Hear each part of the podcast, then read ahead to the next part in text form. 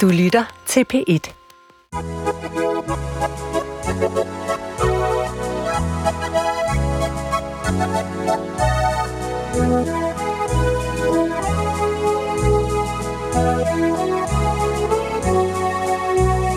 Hvor skal vi bygge, og hvor skal vi bo? Og hvordan skal vi bygge, hvordan skal vi bo?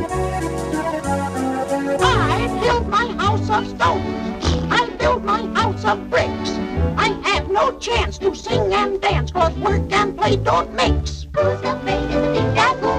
Big apple, big apple. Who's afraid of the big apple? Strå, pinde, mursten, en hytte i skoven, en villa i forstaden eller en lejlighed i byen. Tæt, lav, høj. Velkommen til Supertanker. Jeg hedder Carsten Nordmann.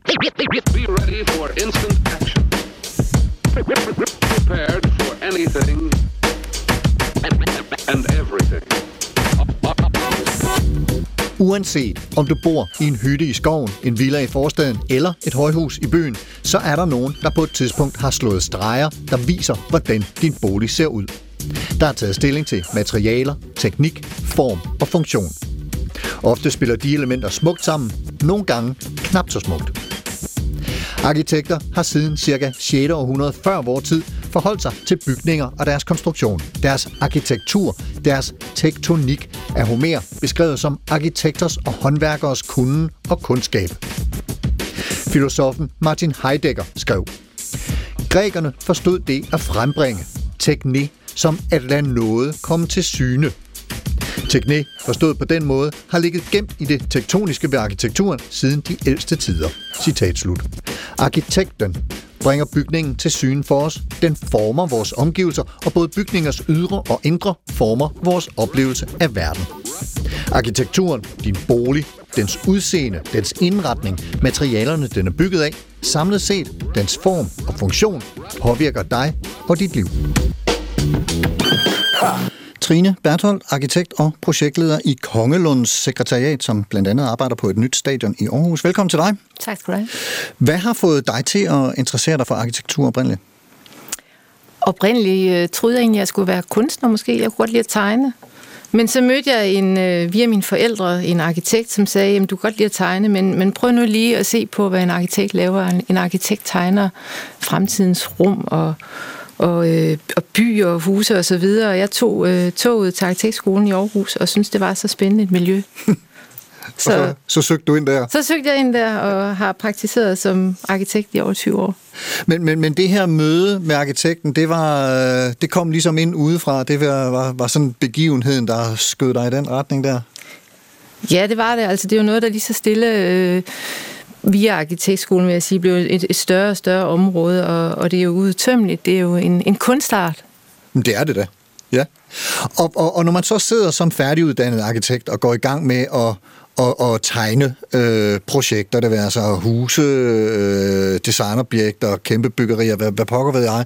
Hvad, hvad er så nogle af de allervigtigste ting at være bevidst om som, som øh, arkitekt, og det man er i gang med at skabe? At man er en vigtig del af helheden. At øh, man er i stand til at leve sig ind i øh, andre mennesker, i et andet sted, i et program, i en økonomi.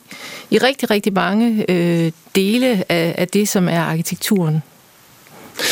Jonas Holst, lektor i filosofi ved San Jorge Universitetet i Zaragoza i Spanien, hvor du jo faktisk opholder dig nu. Øh, velkommen til dig. Tusind tak skal du have. Hvad, hvad har fået dig som filosof til at interessere dig for arkitektur? Jamen, jeg havde i min øh, studietid en stor interesse for, for spørgsmål om, hvad det vil sige at bo og høre til et sted. Øh, og det arbejder jeg selvfølgelig med primært filosofisk og idehistorisk. Og jeg havde sådan en anelse om, at på et tidspunkt burde jeg nok dykke noget mere ned i arkitekturhistorie, og, og måske også kende hele problemstillingen med at bo og høre til et sted, sådan fra en mere teknisk side og byggemæssig side. Øh, og det har jeg først fået chancen for mange, mange år efter, nu hvor jeg er blevet ansat på en arkitektskole. Øh, og så er jeg så dykket ned i arkitekturens historie, set fra en filosofisk synsvinkel, og det har kastet ud interessante indsigter er så blandt andet den, at, at øh, den oprindelige, altså filosofiens oprindelse, er tæt knyttet sammen med arkitekturens oprindelse. Og det er jeg sikker på, at vi kommer meget mere ind på øh, her i det følgende. Hvis, hvis nu jeg skal stille dig det samme spørgsmål, som jeg lige stillede Trine for et øjeblik, hvad, hvad er det vigtigt at være bevidst om, øh, når man, når man øh, skal skabe et arkitektonisk værk, og hvorfor er det vigtigt? Ja, jeg, fra min filosofiske og idehistoriske øh, synsvinkel, så er øh, arkitektur øh, i det hele taget vigtigt, fordi det er så gennemgribende for vores måde at, at leve på øh, til tider, eller meget tit så tænker vi ikke nærmere over det, men vi bor jo alle sammen et sted, og det er jo bygget, øh, og på en bestemt måde, øh, at blive bevidst om det, det, øh, ja, det kan jo forøge ens velbefindende, jo, jo mere bevidst man er om de rum, man bevæger sig igennem, men det kan jo også give nogle indsigter i, hvor stor en rolle arkitekturen faktisk spiller for, for, øh, for vores menneskeliv og vores livsfølelse. Hvor, hvor meget følger I begge to dybest set med? Øh, det gør jeg garanteret, øh, forestiller mig, nogle af alle de debatter, nu, så bliver der opført et eller andet bygningsværk et sted, og så er der nogen, der er rasende, fordi de synes, det er hæsligt, og det er, jeg ved ikke hvad, der kommer alle mulige øh, diskussioner, øh, og, og der sidder en arkitekt, der siger, jamen jeg har tænkt over det, og, og jeg, jeg synes, det skal være sådan her. Trine, hvor, hvor, hvor meget fylder sådan noget i din øh, hverdag? Jeg, føl, jeg følger godt med, og øh, jeg synes jo, at hele udviklingen af arkitekturen og byggeriet af arkitekturen går hånd i hånd med en generel sådan, samfundsudvikling og politik. Øh, det tager lang tid at bygge et byggeri, øh, og det er en lang proces, og jeg ved, hvor mange kompromiser, der skal indgås undervejs. Ja. Øh, så jeg ved også, at det er ikke arkitekten, der sidder til, sidst, til sidst som som den øh, arkitekt, man måske forestiller sig, der har truffet alle beslutningerne alene. Øh, der er rigtig, rigtig, rigtig mange ting, der skal balanceres i sådan en proces. Altså det er sådan noget med, med bygherrer, som sidder med en finansiering og siger, jamen det er meget godt, her arkitekt eller fru arkitekt, det der, det har vi bare ikke råd til, eller... Blandt andet. Ja. Der er bygherrer, der er myndigheder, der er brugere, der er økonomi, der er tid. Øh, det, og, og der, ja, der er tiden. Der, det er en meget lang proces, og der er mange, øh, som skal høres og som skal inddrages. Og det er hele den kunst, som det faktisk også er, at balancere det og orkestrere det, som jeg også synes er spændende, og hvor arkitekten har en vigtig rolle. Mm. Hvis nu øh, der skulle være sådan en pointe sådan, øh, af filosofisk, mere eller mindre filosofisk karakter, som det kan være godt for mig og lytterne at have med os i tankerne, mens vi øh, taler videre og, og uddyber nogle af de ting, vi lige har sådan, øh, introduceret her. Øh, hvad, hvad kunne det så være, hvis vi starter hos dig, Jonas? Hvad, hvad ville øh, du gerne plante hos os til, til at tage med os? I forlængelse af det, jeg sagde lige før, tænker jeg, at man kunne måske tage et skridt videre og så øh, stille nogle af de klassiske filosofiske spørgsmål om, øh, hvad meningen med livet er, og hvad det gode menneskeliv er. Måske kunne man i virkeligheden bør stille dem, og det ville være passende at stille dem inden for rammerne af arkitekturen. I, i, i og med at arkitektur, arkitekturen har en så gennemgribende rolle for vores liv, hvis så kunne det jo vise sig, at arkitekturen faktisk yder et væsentligt bidrag til det gode menneskeliv og til det at forøge det menneskelige velbefindende. Det tror jeg vil være den tanke, jeg vil, jeg vil have med videre. Og, og, og her går jeg ud fra, at vi faktisk også taler lidt. Altså en ting er, hvad, hvad det enkelte bygningsværk ligesom rummer i sig selv, og hvordan det er designet, men der er jo også noget i forhold til placeringen i et byrum, eller, øh, eller et landskab, eller hvad ved jeg, som, som det øh, også gerne skal, skal spille sammen med, eller hvad?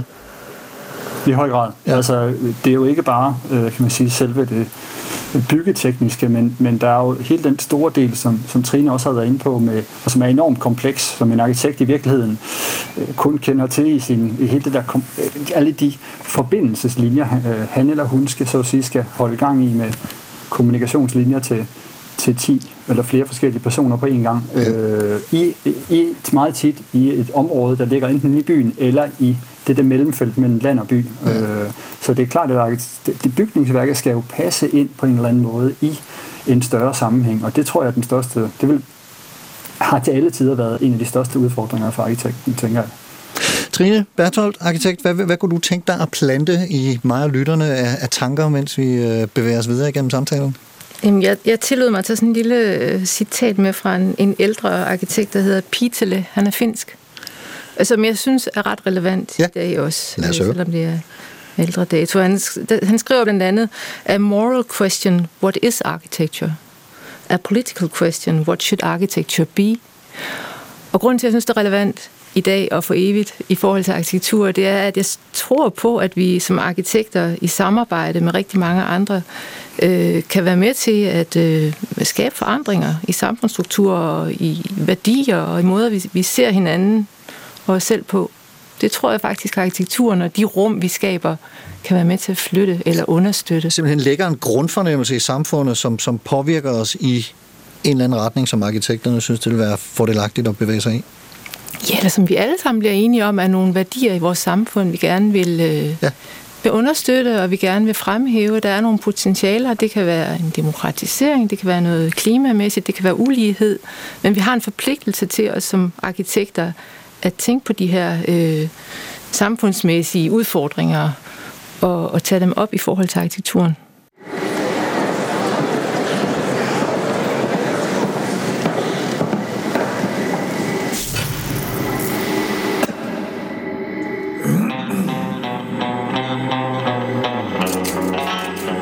I begyndelsen af forrige århundrede, det 20. ledte industrialiseringen og Første Verdenskrig os ind i den moderne tidsalder. Fascinationen af de nye, mageløse maskiners funktionalitet og æstetik gav også eko i arkitekturen, hvor modernismen, den internationale stil, så dagens lys.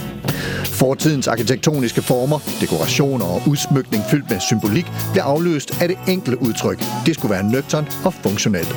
Rene former og lige linjer afspejlede det nye, moderne menneske og den industrielle tidsalder, fri af klunker, polstring og ciseleringer.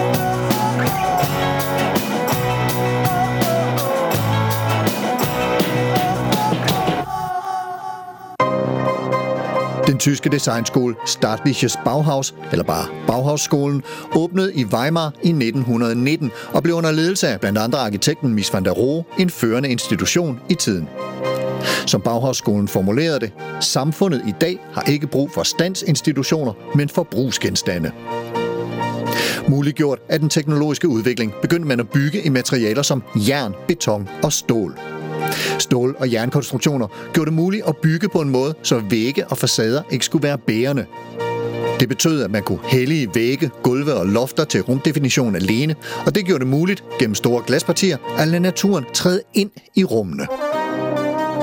Et af de mest berømte værker inden for modernismen er Mies van der Rohes pavillon, bygget til verdensudstillingen i Barcelona i 1929 og indbegrebet af Mises ofte citerede diktum Less is more.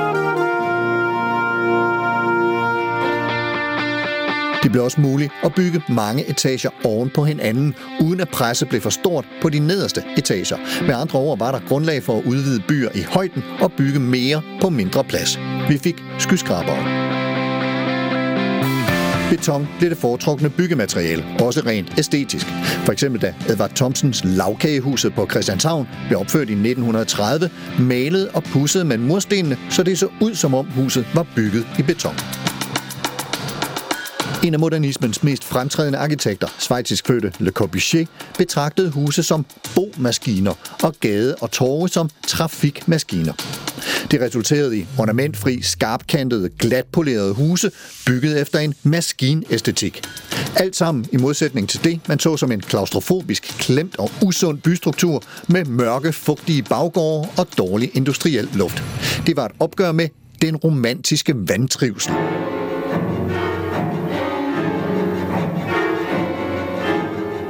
Med tiden blev modernismens idéer forsimplet og groft udnyttet af byggeindustrien til at opføre dårlige og meget lidt funktionelle bygningsværker, hvilket gjorde den upopulær i midten af århundredet.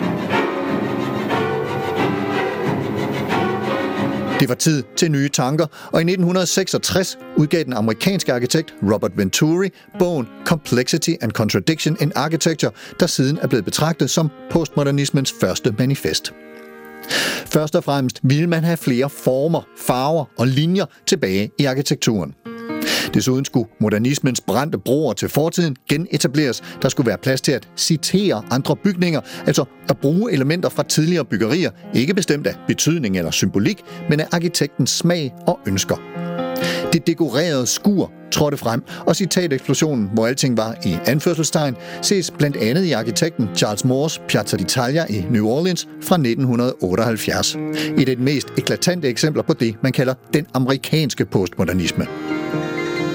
En anden retning i det 20. århundrede var dekonstruktivismen, baseret på filosofen Jacques Derridas tanker om dekonstruktion, det vil sige at genoverveje et værks elementers interne principper, relationer og betydninger, bryde dem fra hinanden og sætte dem sammen igen på nye måder.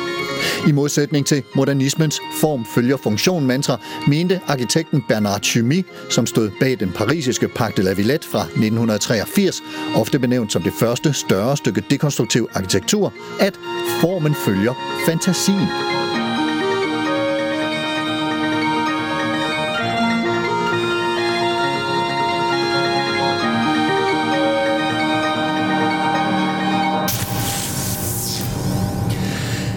Form, funktion, fantasi, teknik, materiale, alle mulige. Trine Berthold, arkitekt, øh, hvis du sådan skal udpege de allervigtigste grundelementer i øh, arkitektur, altså i dit fag, i din gerning, hvad, hvad er det så for elementer? Uha. Det, som, som jeg sagde tidligere, så er det jo en meget kompleks disciplin. Øh, der er nogle funktioner, der er som regel et program, øh, der er et sted, der er nogle krav, der er et fokus på bæredygtighed, øh, og der er nogle materialer, og, og så videre. Øhm, indlevelse, synes jeg, er rigtig, rigtig vigtigt i forhold til i det hele taget at kunne udvikle arkitektur og samarbejde, synes jeg er vigtigt. Men man kan sige... Øh, jeg Hvad, ved ikke, om, indlevelse i? indlevelse i, i rigtig, rigtig mange forhold, i ja. forhold til øh, et, et behov, som en, en bygherre øh, måske har i forhold til en funktion. Øh, at man kan blive ved med at stille spørgsmål til det her. Skal det nu være sådan, og hvad har du behov for? Og, og en indlevelse i et sted. Øh, I nogle relationer til, til det, der øh, karakteriserer det her sted, og, og, og, øh, og en indlevelse øh, i det hele taget i, i alt, hvad der, der, der former den her arkitektur. Men man kan måske sige, at, at, der er noget, der hedder byggeri. Altså, der er noget, der ligesom øh, øh, løser nogle behov og, og øh, giver os tag over hovedet. Øh, men, men så er der det, der, der hedder arkitektur, og det er måske der, hvor, hvor man får noget ekstra, altså noget, som taler til sanserne og til følelserne. Det er der, hvor man øh, øh, bruger materialiteten og dagslyset og formgivningen, så man i virkeligheden får den her fornemmelse af, at her er noget ekstra på spil. Altså som i virkeligheden er en, en, en, en refleksion over den grundstemning, som du øh, nævnte for et øjeblik siden, hvor byggeriet bare sådan noget, nu skal vi have en kasse her med Byggeri, byggeriet løser noget, ikke? Ja. Og, øh, et, et konkret behov, men arkitektur er, er mere end det. Ja. Jo, Jonas Holst, hvad, hvad, hvad, hvad tænker du om det, som, som Trine siger her, og, og, og de vigtigste for dig at se grundelementer i, øh, i arkitekturen? Hvad, hvad, hvad vil du pege på der?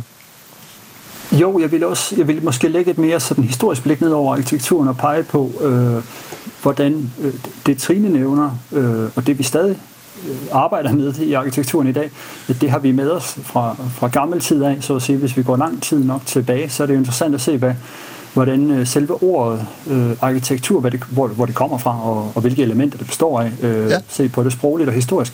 Og der er det jo sådan, at, øh, øh, at de oprindelige arkitekter i det gamle Grækenland, hvor, de, hvor det er, vi har de første vidnesbyrd i Europa, i hvert fald uden for Europa ved vi også, at de har bygget jo i tusinder af år, men de første græske arkitekter, de hed faktisk ikke arkitekter, men de hed tektonikere, eller tektones, som de hed på oldgræsk.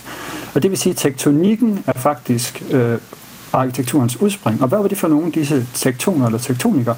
Jo, men det var alle mulige håndværkere og kunstnere. Øh, det, er faktisk også, det er faktisk også nogle skovhugger, der bliver kaldt det hos Homer allerede. Det vil sige, at vi har en række forskellige øh, ja, håndværkere, kunstnere, der arbejder med at adskille ting. De kan dele tingene med, sådan rent fysisk. De kan sammenføje det, og så kan de formgive det. Så der øh, derudaf kommer øh, ja, tekniske værker, der kommer kunst. Øh, grækerne skældnede ikke sådan skarpt mellem øh, kunst, arkitektur og øh, artefakter. Øh, Jeg, jeg, jeg forsøgte i... Øh, ja. Jeg forsøgte i min intro ligesom at, at, at anskueliggøre det her med, at arkitektur har noget at gøre med det der tektonik måske at gøre, eller tekne, som også var, var, var et ord, øh, jeg introducerede. Kan du prøve måske lige, lige den del af det og folde det lidt ud? Altså ordet arkitekt øh, er sat sammen lidt. Ja. det, det er interessant, fordi øh, det, jeg så har nævnt med tektonikken, når vi i dag taler om arkitektur, det der tektur er egentlig latinsk endelse, men det kommer jo, det betyder, det stammer egentlig fra tektonikken. Så, vi, så arkitekturen består på den ene side altid noget tektonisk, det vil sige noget, noget byggeteknisk, noget, noget konstruktionsmæssigt, og så har vi ordet arke, som har mange betydninger, men, men det har grundlæggende to betydninger. Det har på den ene side noget at gøre med grunden, altså et grundlag, ligesom det har i arkeologi, ikke? det er jo læren om at nå ned til grunden eller et fundament. Mm. Øh, men arke betyder også styrelse, altså noget, der styrer. Og der har vi med den politiske dimension, som Trine har været inde på. Altså arkitekten som et styrende princip, der skal orkestrere enormt stor sådan et byggeprogram, hvor der er en masse håndværkere, og nu kommer tektonikerne så ind igen. Altså arkitekten bliver den i det antikke Grækenland, der skal styre hele den komplekse proces, hvor materialet, mat, materialerne skal udefra, skal jo hentes et sted, det skal ind til byggepladserne, og skal holde sammen på alle de håndværkere, der skal indgå i øh, bygningsværk, eller i, i, i den proces, der er at bygge og konstruere noget. Så det er sådan helt kort, øh, skal vi sige, arkitekturen, arkitekt, arkitekturens græske oprindelse. Ja, smukt. Trine, du Jamen, markerer. Ja. Jamen, jeg mener på et tidspunkt, der jeg hørte en, jeg kan ikke huske, hvem det er, der har sagt, at arkitektur er frossen musik. ja. Altså en, en form for formsprog, kan man sige.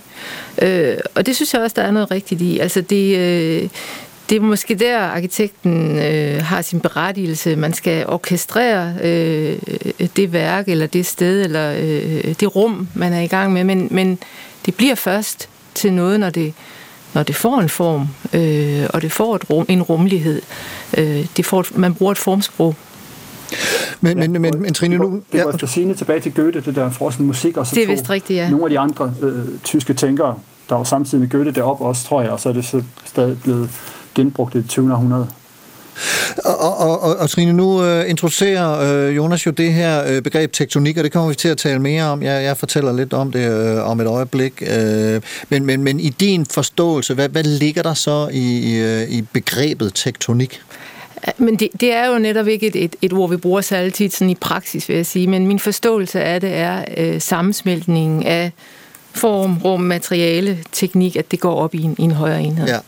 Og, og det her med materialet, altså fordi øh, når, når man skal bygge noget, så, så er en af de første, eller nu ved jeg ikke, hvilken rækkefølge det falder i, men, men, men der er i hvert fald en overvejelse om, hvad skal vi bygge det her i? Nu hørte vi om beton som foretrukket materiale. Ikke? Der er nogen, der bygger i marmor, eller i træ, eller mm. øh, hvad er det nu, stål og glas osv. osv. Mm. Altså, hvad, hvad, hvad er det, man får som arkitekt af øh, når man har valgt materiale, hvor meget af det er så i virkeligheden dikteret, når man ligesom har sagt, så nu er det det her materiale, vi bruger, og så er der en masse ting, der ligesom er givet. Ja.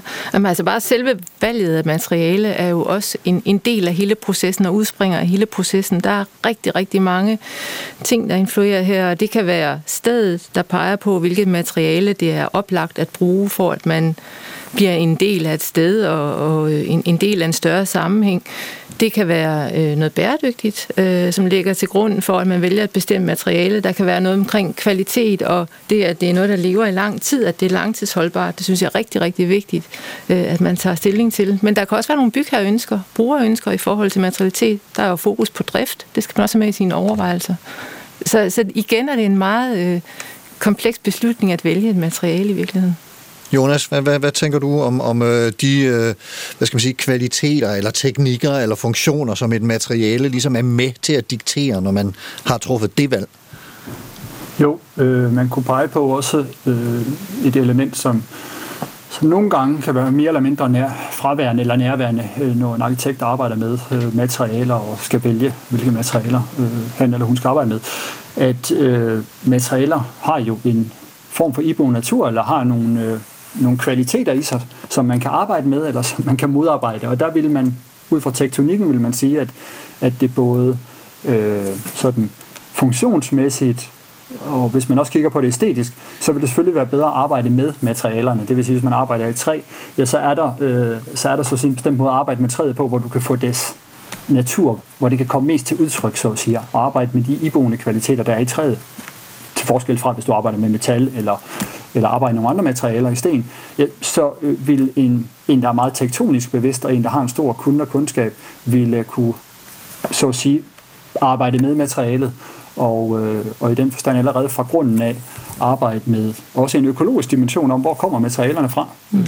øh, og simpelthen have, have, have den bevidsthed med. Øh, det, det vil jeg nok pege på. Det er jo sådan en, en klassisk problemstilling inden for skal vi sige, kunstteori også, at øh, hvorvidt man har det med, så at sige, den bevidsthed om materialets iboende natur. Der er jo nok nogen, der vil...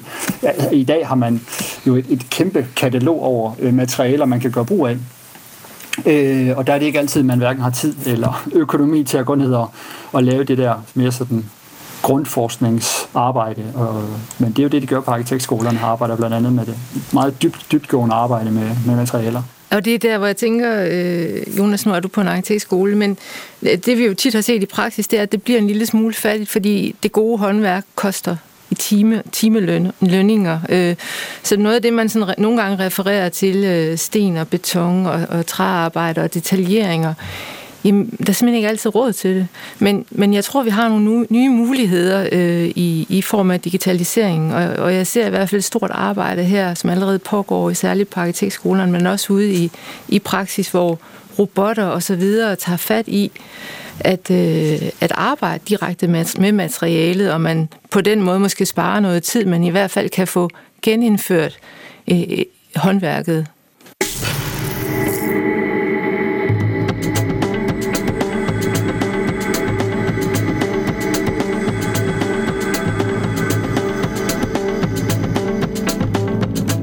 Hvis jeg køber en skintaske, og den til trods for, at den til forveksling ligner, måske endda lugter af skin, viser sig at være lavet af plastik, så stormer jeg tilbage til sælger, beklager mig over at være blevet snydt og vil have pengene tilbage.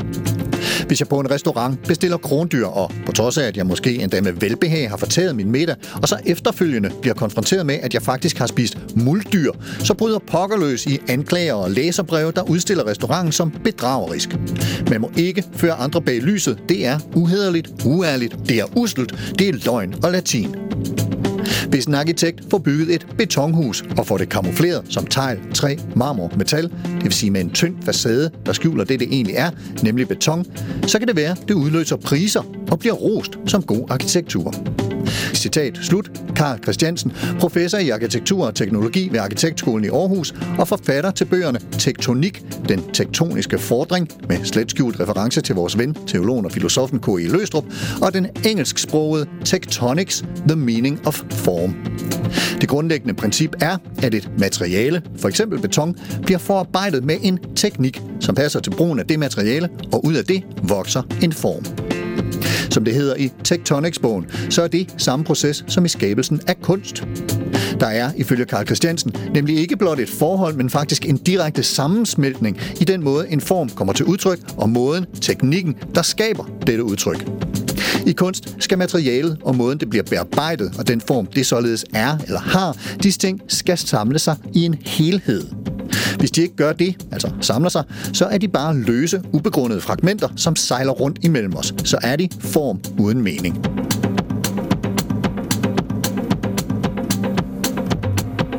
Jeg tillader mig at kalde Per O. Brandt for filosof. Godt nok står han på Wikipedia opført som digter, forfatter, oversætter, musiker og sprogforsker, men der hvor jeg stødt på Per O. Brandt, har det altid været med filosofisk anstrøg. Så det. Og Per Brandt skriver i sit forord til Tectonics The Meaning of Form om, hvad form betyder, og jeg citerer. Betydning er den underlige substans, som menneskers individuelle og sociale liv er gjort af, og det er enten resultat af, hvad naturen tilbyder os at opfatte og forstå, eller det vi tilbyder hinanden at erfare gennem de tegn og signaler, vi deler med hinanden. Citat slut. Når nogen skaber noget, skriver Brandt, går processen gennem fire stadier. Først valget af materiale. Et valg, som er betinget af skaberens viden om materialets egnethed til at kunne opnå det, vi vil skabe. Dernæst skal vi overveje teknikken, som vi benytter i arbejdet med materialet. Et valg, der er betinget af den forhåndværende teknologi og igen den skabendes viden og erfaring. Og for det tredje er der ingen vej udenom et valg af form. Målestok, dimensioner, proportioner, udtryk, konturer, elementer, som ikke er dikteret af de to første stadier, materiale og teknik. Og denne del, det skabtes form, er det, der taler direkte til beskueren, og den, der erfarer det frembragte. Formen er i sig selv udtryk.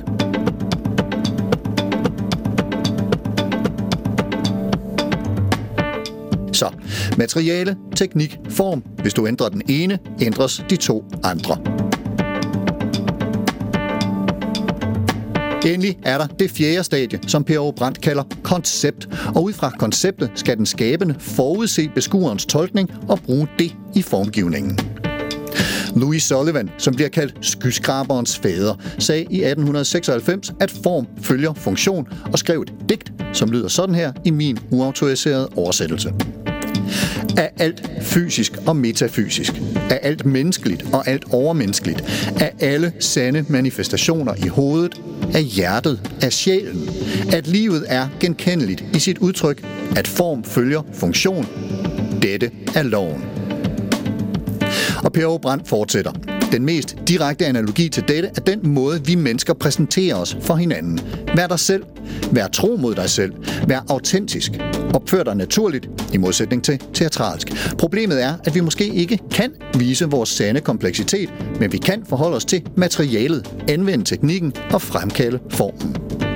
Tektonik er videnskaben, der bygger og forener elementer i et hele, for eksempel i arkitektur eller kunst.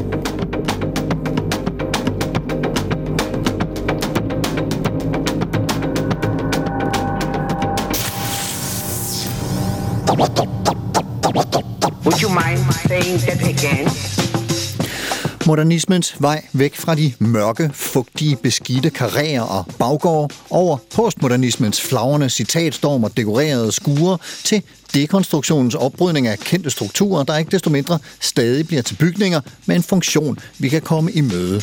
Arkitektur og tektonik, som vi lige har hørt om, har begge enorm indflydelse på vores liv og på kvaliteten af det. Trine Bertolt er arkitekt og projektleder i Kongelunds sekretariat, som arbejder på et nyt stadion i Aarhus, og Jonas Holst er lektor i filosofi ved San Jorge Universitetet i Saragossa i Spanien. Og begge to. Jeg har faktisk lidt lyst til, i forlængelse af det, vi talte om for, for et øjeblik siden, inden vi hørte det her båndede indslag om tektonik, lige at gribe fat i et bygningsværk, som jeg tror rigtig mange af lytterne godt kender, nemlig Jørgen Utzons Operahus i Sydney. Fordi der var nogle ting øh, omkring opførelsen af det, og, og de materialer, der var valgt, og den form, som han som arkitekt havde givet det, og, og, og gerne ville forsøge at fremkalde, som, øh, som, som gav ham nogle, øh, nogle problemer. Og, og, og Jonas, jeg tror måske, øh, hvis, hvis vi starter hos dig, øh, fordi det, du og jeg har talt om det her lidt på forhånd, og så er jeg sikker på, at uh, Trine hun har kommentarer til det også. Men hvad var det, der, der var problemet der? Jamen, jeg kan måske nævne den ene, en del af, hvis vi kan kalde det problemet eller udfordringen. Udfordringen, ja. Trine kommer sikkert ind på, det, på nogle andre sider af det, af det samme, af den samme udfordring, der var for, for Utzon fra starten af. Altså, jeg, jeg vil godt pege på, at Utzon øh, fra begyndelsen havde nogle temmelig, skal vi kalde det, øh, banebrydende visioner for, hvad øh, operahuset i Sydney det skulle være, og, øh, og øh, skal vi sige, han arbejdede med nogle organiske former, og han havde selvfølgelig nogle idéer, og også tegnede, at tegnede det. Men ingeniørerne, øh, som han øh, arbejdede sammen med, eller som han samtalte med, øh, mente ikke uden videre, at det kunne bygges. Øh, de idéer, Utzon havde. Øh, men så i det forskridende arbejde, så lykkedes det faktisk øh, Utzon i samarbejde med sine medarbejdere, og efter sine skulle en af hans unge medarbejdere, den spanske arkitekt Rafael Moneo, øh, der er nu levende og en af de mest indflydelsesrige spanske arkitekter øh, i det 20. og 21. århundrede. Han skulle efter sine have, have hjulpet Utzon øh, godt på vej til at få tegnet så meget af operahuset i dets kompleksitet, at ingeniøren efterhånden fik en bedre idé øh, om, hvad, hvordan det kunne bygges. Så der var simpelthen en udfordring fra starten i forhold til det, Moneo selv har kaldt, at der er ingen som en arkitekt, siger Moneo, der ved, hvordan tingene tager fart og kommer ud af kontrol, når man går fra visionen over i, skal vi kalde det det materielle. Altså skismet eller den spænding, der er fra at gå fra idéplanet og så over i, skal vi kalde det, den mere rå virkelighed, øh, brutale virkelighed. Øh, det skred der er, der skal bygges nogle broer, øh, og det gør arkitekter jo blandt andet gennem tegninger, modeller og og forsøger at komme så tæt på den virkelighed, inden der bliver bygget. Altså det, det, er en af de det var en af de udfordringer, øh, skal vi sige, Luton kæmpede med i begyndelsen. Øh. Og, og, og Trine Berthold, for dig at se, hvad, hvad er det for nogle, hvad skal man sige, kvaliteter eller visioner, som, som øh, Utzon han kommer ind med her, øh, øh, med, med, med ja, placering og organisk form osv. osv.? Øhm, der er ingen tvivl om, at øh, vi, vi er alle, alle arkitekter og rigtig mange danskere er jo stolte af Utzon, og det er faktisk rigtig ærgerligt, at øh, han ikke fik lov til at bygge øh, mere, end, end han gjorde. Fordi øh, vi kan alle sammen associere os til, at det er meget inspirerende, hvordan han bruger øh, naturen som inspiration. Men, øh, nu er det appelsinskallerne i, i operahuset her, men, men der er også kunstmuseet i Silkeborg, som heller aldrig blev opført, hvor han var inspireret af de her løgformer øh, og øh, inspireret af, af trækroner og søjler og, og forgreningen i et, en, en træstamme. Øh, himlen, skyerne, himmelvævlet i, vælvet i, øh, i Bagsvær Kirke. Og i det hele taget placeringen af, af, af de boliger, jeg i hvert fald har, har set, øh, som, som er placeret utrolig smukt i forhold til landskabet. Så den forståelse for indlevelse i, i naturens potentiale og naturens konstruktioner, synes jeg er rigtig inspirerende, og det ved jeg, at der er rigtig mange, der stadigvæk øh, kigger på og prøver at leve sig ind i.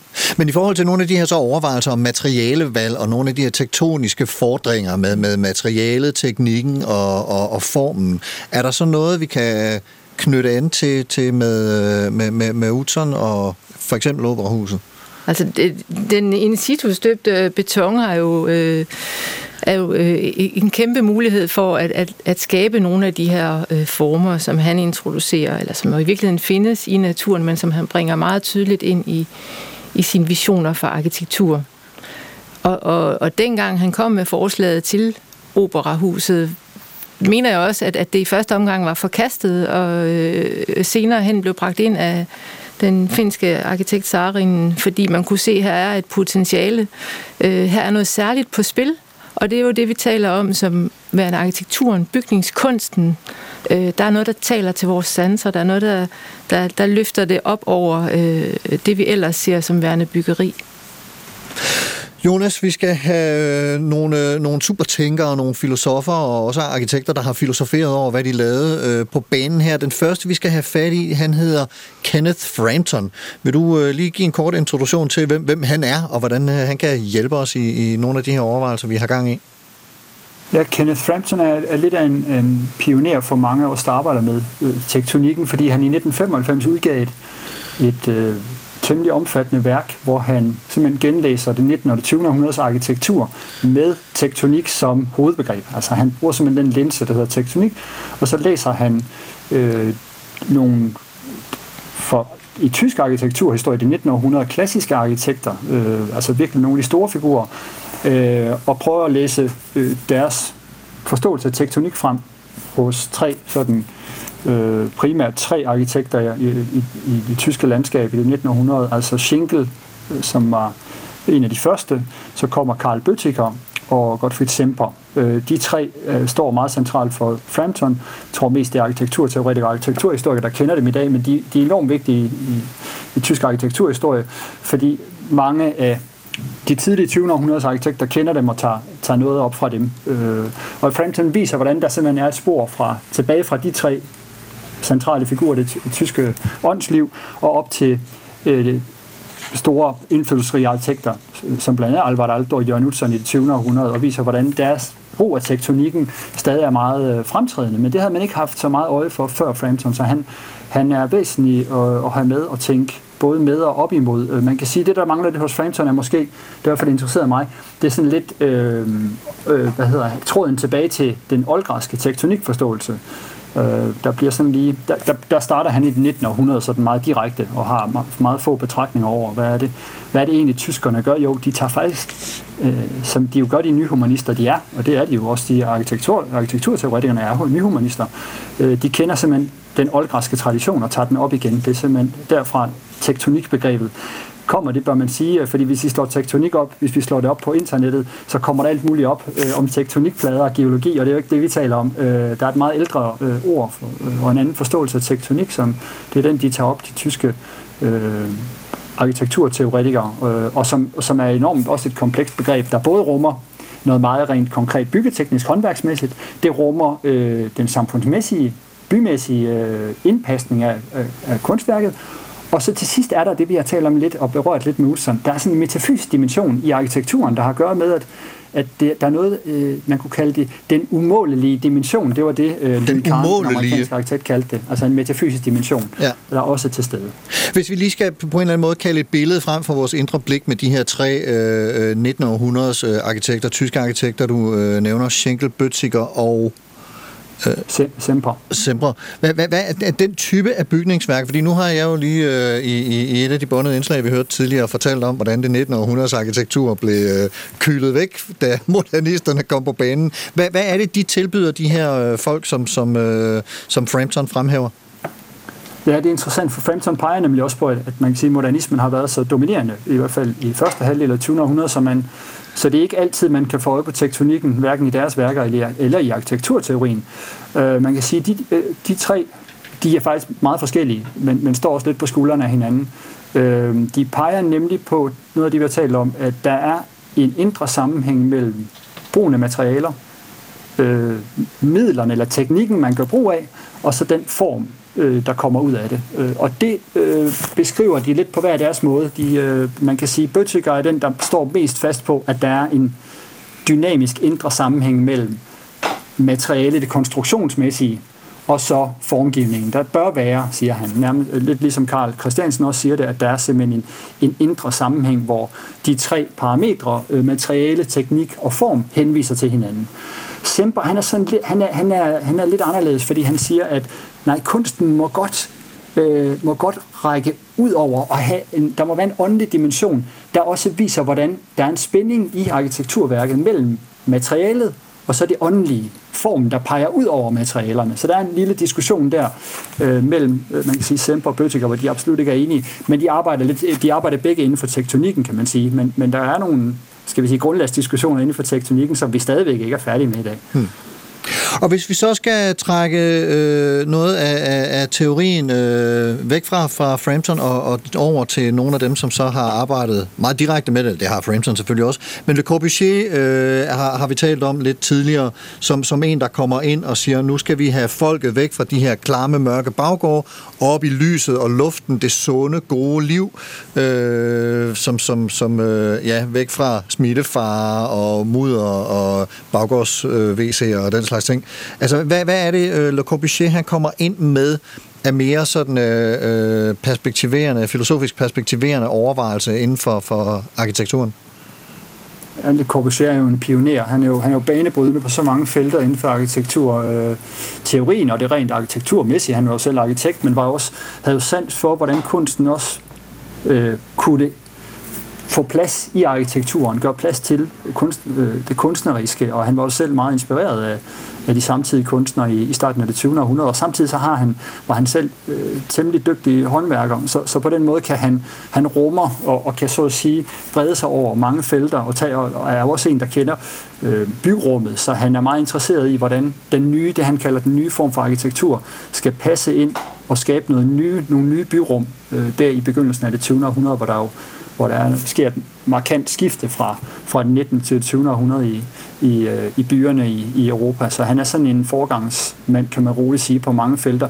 Selvfølgelig også blevet kritiseret, fordi når man er forgangsmand, øh, så, øh, eller en pioner, så er man jo den første ude, og, og så er det selvfølgelig let bagefter at komme og kritisere. Men noget af det, han er blevet kritiseret for, det var, når han så ville skabe de her store rum, hvor der både var øh, udsigt til naturen og også plads til at bevæge sig på, at så blev rummene lidt for store i den forstand, at mennesket havde svært ved længere at kunne beboerne havde svært ved at kunne genkende sig selv i de kæmpe store rum, der så blev skabt omkring bygningerne. Øh, det er noget med skala at gøre, at, at øh, det er noget af det kritik, der har der har været, der har været fremme i forhold til nogle af, nogle af Le Corbusiers værker, men altså, man må stadig se på alle, jeg tror de fleste arkitekter kan stadig finde noget nyt i hans værker, fordi han, han, hans værker har et kæmpe potentiale stadigvæk i dag til at blive gen, så at sige, fundet igen alt det mm. potentiale, de rummer også hans tegninger og alt det arbejde, han har lavet. Trine Bertholdt, øh, vi, vi, vi hørte øh, Le Corbusier øh, citeret, kan man godt kalde det for lidt tidligere, og, og sige, at der er tale om bomaskiner og trafikmaskiner, og der er nogle rum, som har nogle fun- meget sådan strenge funktionelle øh, krav og, og ting. Øh, når, når du øh, arbejder med, med et eller andet projekt, for eksempel et stadion, hvad, hvad er så din, hvad skal man sige, arv fra, fra Corbusier, som du tager, tager med ind der? Og den direkte øh, reference til arbejdet med stadion. Er den måske, øh, har måske den, lige... Nej, jeg vil sige, at Corbusier har i hvert fald øh, i forhold til mig og min uddannelse øh, inspiration som arkitekt øh, også fyldt rigtig meget, fylder rigtig meget, og det er bredt, som Jonas siger, det er jo både i forhold til byplanlægning og øh, ja, indlevelse i menneskenes bolig er en bog, vi alle sammen øh, kiggede i. Det der med, hvordan vi bringer, øh, jeg lagde også mærke til, da jeg kom ind her på Danmarks Radio, øh, hvordan ude og inde flyder sammen, naturen bringes ind i bygningen og omvendt. Øh, men øh, kunsten, kunstens relation til arkitekturen og øh, farvernes søjlestrukturen, den frihed, det har givet os, jeg tænker, det er stadigvæk sådan, vi ofte bygger, at øh, vi lægger en søjlestruktur ud i et byggeri for at skabe en fleksibilitet og frihed i forhold til, til rummene, og så er der en, en meget let facade, hvor vi har en kontakt til omgivelserne, øh, og omgivelserne har et indblik i, hvad der foregår i, i rummet. Så altså, en, en kæmpe stor øh, inspiration og øh, i, i i relation til det kan jeg sige, at, at, at jeg var også meget inspireret som studerende af, af Rem Koolhaas, øh, som jo også arbejdede med... Øh, hollandsk arkitekt. En hollandsk arkitekt, ja. der var stor og er stor stadigvæk, og som var journalist uddannet, men, men også øh, var meget markant og toneangivende, i hvert fald da, da jeg gik på skolen, i forhold til at betragte bygninger som, som de her... Øh, mindre byer i virkeligheden. Øh, og det synes jeg også var, var rigtig inspirerende. Øh, jeg tænker, i forhold til udviklingen af et, et stadion, der er det måske mere den der te- direkte tektoniske reference, øh, jeg kunne tænke mig at tage fat i, fordi det er i den grad øh, en sammensmeltning af form og konstruktion, integreret design, som vi kalder det, og materialet får rigtig stor betydning. Man skal optimere konstruktion og form, og, og, og det bliver udtrykket på et nyt stadion, mm. vil jeg sige. Så der er nogle gode referencer på sådan noget. Jo, det har vel også noget at gøre med, Trine, tænker jeg, at, at, at øh, over for dem, der skal bruge stadion og kommer der, at der godt må være den øh, sådan genkendelse af, at, at, at, at nu er vi på vej ind til, på stadion, ikke? Altså, at, at, at der skal øh, du som øh, arkitekt øh, tænke, form og funktion, de skal høre tæt sammen, så det netop er den man kan orientere sig på stadion, man kan identificere det med nogle klare sådan, signaler om her, det er, et, det er der, hvor vi går ind og sådan noget. Ikke? Så, det er jo så sådan en helt særlig øh, typologi. Det, ikke? Ja. Der en, den der genkendelsesmarkør ja. er meget vigtig. Ja, altså det er en særlig typologi, og det er måske igen der, man kan drage en reference til Corbusier, for jeg synes jo, han stillede spørgsmål ved mange af vores velkendte typologier, både for byplanlægning og beboelseshuse og, og boliger. Øh, og, og det er jo også det, der er kunsten for os som arkitekter, hele tiden at blive ved med at stille spørgsmål ved typologien, ved det vi gør ved vores øh, virke.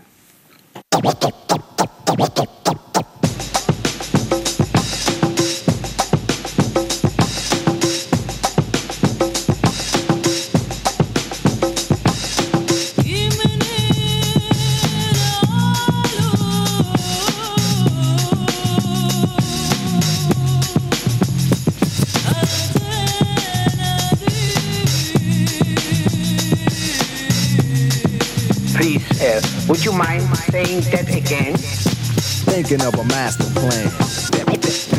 Supertanker, Trine Berthold, Jonas Holst, Carsten Ortmann. Vi taler om arkitektur og tektonik, materiale, teknik, form, funktion. Og Trine Berthold, nu fik, fik lige taget et kort hul på den her med, med samspillet mellem form og funktion. Øh, og, og jeg synes jo, det er helt vildt spændende med det her øh, projekt, som du lige pt. arbejder på, som handler om at konstruere eller bygge, tegne et, et stadion.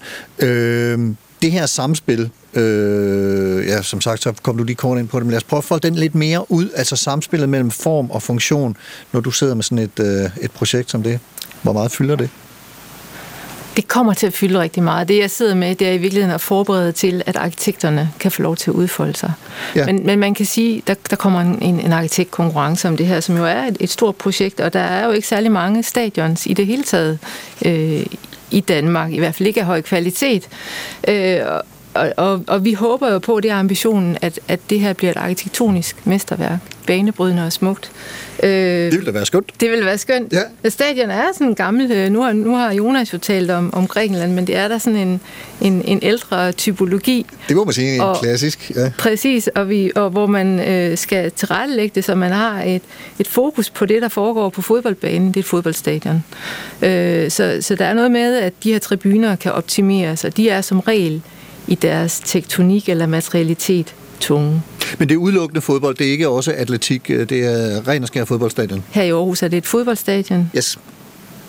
Jonas, øh, hvis du øh, med, med, med dine, dit filosofiske blik skal, skal prøve på en eller anden måde at, at øh, anskueliggøre de overvejelser, øh, man skal gøre sig i, i, i samspillet mellem form og funktion, hvad er så de vigtigste for dig at se der? Man kunne tage udgangspunkt i... Øh i, i, i de, altså de to begreber og lidt, lidt veje dem i forhold til hinanden. Altså, jeg, jeg tager meget til selv udgangspunkt i en, i en arkitekt, i en arkitekt, amerikansk arkitekt, jeg nævnte tidligere, Louis Kahn, øh, fordi han har sådan et filosofisk udsyn, øh, hvilket nogle finder, finder lidt problematisk, fordi han lynhurtigt øh, nogle gange øh, svæver, lidt over, svæver lidt over jorden og er meget visionær, kan man sige. Han er meget på det felt med formen som det, der går forud for en hver, et hvert projekt. Altså, tænker, altså i begyndelsen så taler han meget om, at man man må have en fornemmelse for formen. Hvad er det for hvad er det overhovedet, man har med at gøre? Og så giver han tit det eksempel med for eksempel et bibliotek. Hvad er det første, man tænker på, når man hører ordet bibliotek? Og det reflekterer han så over i nogle af sine tekster og kommer frem til, øh, det, er slet ikke, det er slet ikke materialerne i udgangspunktet. Det er slet ikke, hvor indgangen skal være. Det er ikke facaden. Det er lyset, siger han så. Det er lyset. Det er, det er, det er overhovedet det, der gør det muligt at kunne studere og læse øh, finde bøgerne, og, og derudfra mener han så, projektet skal udspringe. Det er jo nærmest en helt filosofisk tilgang til det at bygge, øh, og man skal så sige, at Louis Kant, samtidig med at han er så temmelig, han har det udgangspunkt i de i sådan nogle øh, visioner, eller i formen som sådan nærmest platonisk idé, så er han faktisk også enormt dygtig til at så få, skal vi sige, øh, det materialiseret på en sådan måde, at han faktisk tager hensyn til alle de andre ting, man også skal tage hensyn til i forhold til alle de øh, brugsmæssige og nyttemæssige, der også skal indgå i et værk. Så han er, ikke, han er jo ikke sådan, øh, hvad skal vi sige, bare øh, platoniker, men han, er, han, er, han bevæger sig for mig at se sådan temmelig frit imellem alle de felter, som en arkitekt skal, skal så at sige, spænde over. Øhm, så det er sådan lidt i forhold til form og funktion. At form ja. og funktion, ja, de følger hinanden et godt stykke af vejen. Men hvis man tager udgangspunkt i formen som sådan en mere abstrakt idé, øh, så er der også noget i værket, mener Karen, som bør pege ud over funktionen. Altså, der er netop en form for metafysisk eller en større betydning, det Peter, Peter Brandt kaldte konceptet, ja. som viser ud over funktionen. Trine? Det synes jeg er rigtig interessant, det der med, hvad det er lyset, og det er proportionerne. Det er også tit den atmosfære, som kan være svær. Altså det, det er ofte elementer, vi ikke kan måle og veje, øh, og måske heller ikke øh, sådan direkte at konkretisere eller pege på, men det er det, der taler til sanserne. Øh, og det er jo også proportioner øh, og, og så videre. Øh, biblioteket er jo også et, et, et mødested, øh, så det er også meget, i meget høj grad mødet med andre mennesker. Øh, et, et, et fælles rum. En forsamlingsplads. Præcis. Ja. Ja, det kan han også sige. Det er også det, ja. Præcis. Lyset, der gør det, lyset, der også gør det muligt, ikke? Eller samling, lysning og sådan en samle, samlingssted, ja. Supertanker er i land om et par minutter, men øh, inden vi når dertil, skal vi lige nå at høre et par anbefalinger fra jer til, to til, hvor lytterne kan gå hen, hvis de vil undersøge nogle af de her tanker nærmere. Og øh, Trine, du har taget en bog med af en, ja, det lyder et spansk klingende navn. Hvad, hvad er det for en bog, og hvem er forfatteren? Aravena, en øh, chilensk arkitekt, som havde en udstilling på Luciana for et par år siden, og øh, kuraterede en udstilling i Venedig. Men grund til, at jeg tager med, det er, fordi jeg synes, det er vigtigt det her med, at man udover at være i stand til at arbejde med arkitektur og form og alt, hvad der nu indeholder af, af kompleksitet i sådan en, en, et, et arbejde, så skal man forholde sig til den samfundsmæssige agenda, klimaudfordringer, ulighed, immigration, globalisering osv. Det tager han stilling til. Det tager han del i. Så derfor synes jeg, at den er interessant, den her Elemental, som den hedder. Og, og, og tager del i på den måde, at, at han bruger nogle Bygger boliger for, ja. for folk, som ikke som er boligløse. Øh, tager nogle opgaver på sig, som, som i den grad øh, øh, er banebrydende for og, og toneangivende i forhold til, øh, hvad vi også skal gøre som arkitekter. Og det er altså Alejandro, hedder han, uh, Aravena, og bogen hedder Elemental, og er fra 2010. Ja. Jonas, du har to bøger med. Lad os høre, hvad det er for nogen. Ja, jeg vil, jeg, jeg vil godt starte med at fremhæve uh, Karl Christiansens øh, tektonikbog, Den tektoniske forordning, øh, som du også har nævnt, øh, Carsten, fordi den er, den er velskrevet, og den er, den, er, den har mange fine indsigter i forhold til det, vi har talt om, øh, og også videre i forhold til det filosofiske. Øh, den, og der er en fine reference til Løstrup, den giver faktisk mening i bogen, så på den måde er der en filosofisk dimension i, i, øh, i den tektoniske forordning, som, øh, som virkelig er værd at, at læse og, og undersøge nærmere øh, hele det felt, som Karl Øh, Christiansen åbner i den bog. Og så har jeg en anden bog også, som jeg gerne vil øh, også tage med, fordi den er så filosofisk og filosofihistorisk interessant. Øh, I begyndelsen talte jeg lidt om, at der er nogle sammenhænge mellem filosofiens oprindelse og arkitekturens oprindelse i det gamle Grækenland. Og øh, det er der en amerikansk filosof, der, går, øh, der undersøger nærmere i bogen. Øh, han hedder Robert Hahn, og bogen hedder Anaximander og arkitekterne, altså på engelsk. Anaximander and the Architects. Den er interessant og også sådan meget teknisk, så hvis man er til både det meget tekniske i arkitekturen, og også til det, skal vi sige, det, det begrebsmæssige i filosofien, så er den øh, god at blive klog af. Men, og er den ude på øh, dansk, ved du noget om det, eller den, findes den kun den på engelsk? Er, jeg, jeg tror ikke, den er oversat til, til dansk, nej, den, den skal man nok læse på engelsk. Ja. Og det var simpelthen den øh, super omtankning, vi nåede i, øh, i den her udsendelse. Vi er på vej mod land fra i dag. Trine Berthold, arkitekt og projektleder i Kongelunds Sekretariat. Tusind tak, fordi du kom og var med til at udvide vores forståelse af den arkitektur, vi bygger i og bor i, og som påvirker os, og hvilke overvejelser det trækker med sig. Tak, tak for at du kom. Og Jonas Holst, lektor i filosofi ved San Jorge Universitet i Zaragoza i Spanien. Også tusind tak til dig for at hjælpe med at gøre os alle sammen lidt klogere på tektonikken og arkitekturen. Tak for at have mig med. En fornøjelse. Og som altid, naturligvis, mange tak til dig, kære lytter, for at lytte med. Hvis du kan lide, hvad du hører, så del det med dine venner, uanset om de bor i et typehus eller en arkitektonisk perle. Hvis du har ris, ros eller idéer til programmet eller andet, du gerne vil kommunikere til mig, så skriv en mail til supertanker eller gå ind på Facebook-siden Carsten Ortmann Radio og kommenter der. Der lægger jeg også mine gæsters anbefalinger og lidt links og en musikplayliste. Programmet i dag var tilrettelagt af Dorthea Lind Neuenschwander og mig. Jeg hedder Carsten Ortmann. Programansvarlig er Jesper Langballe. Ha' en rigtig god dag og på genhør.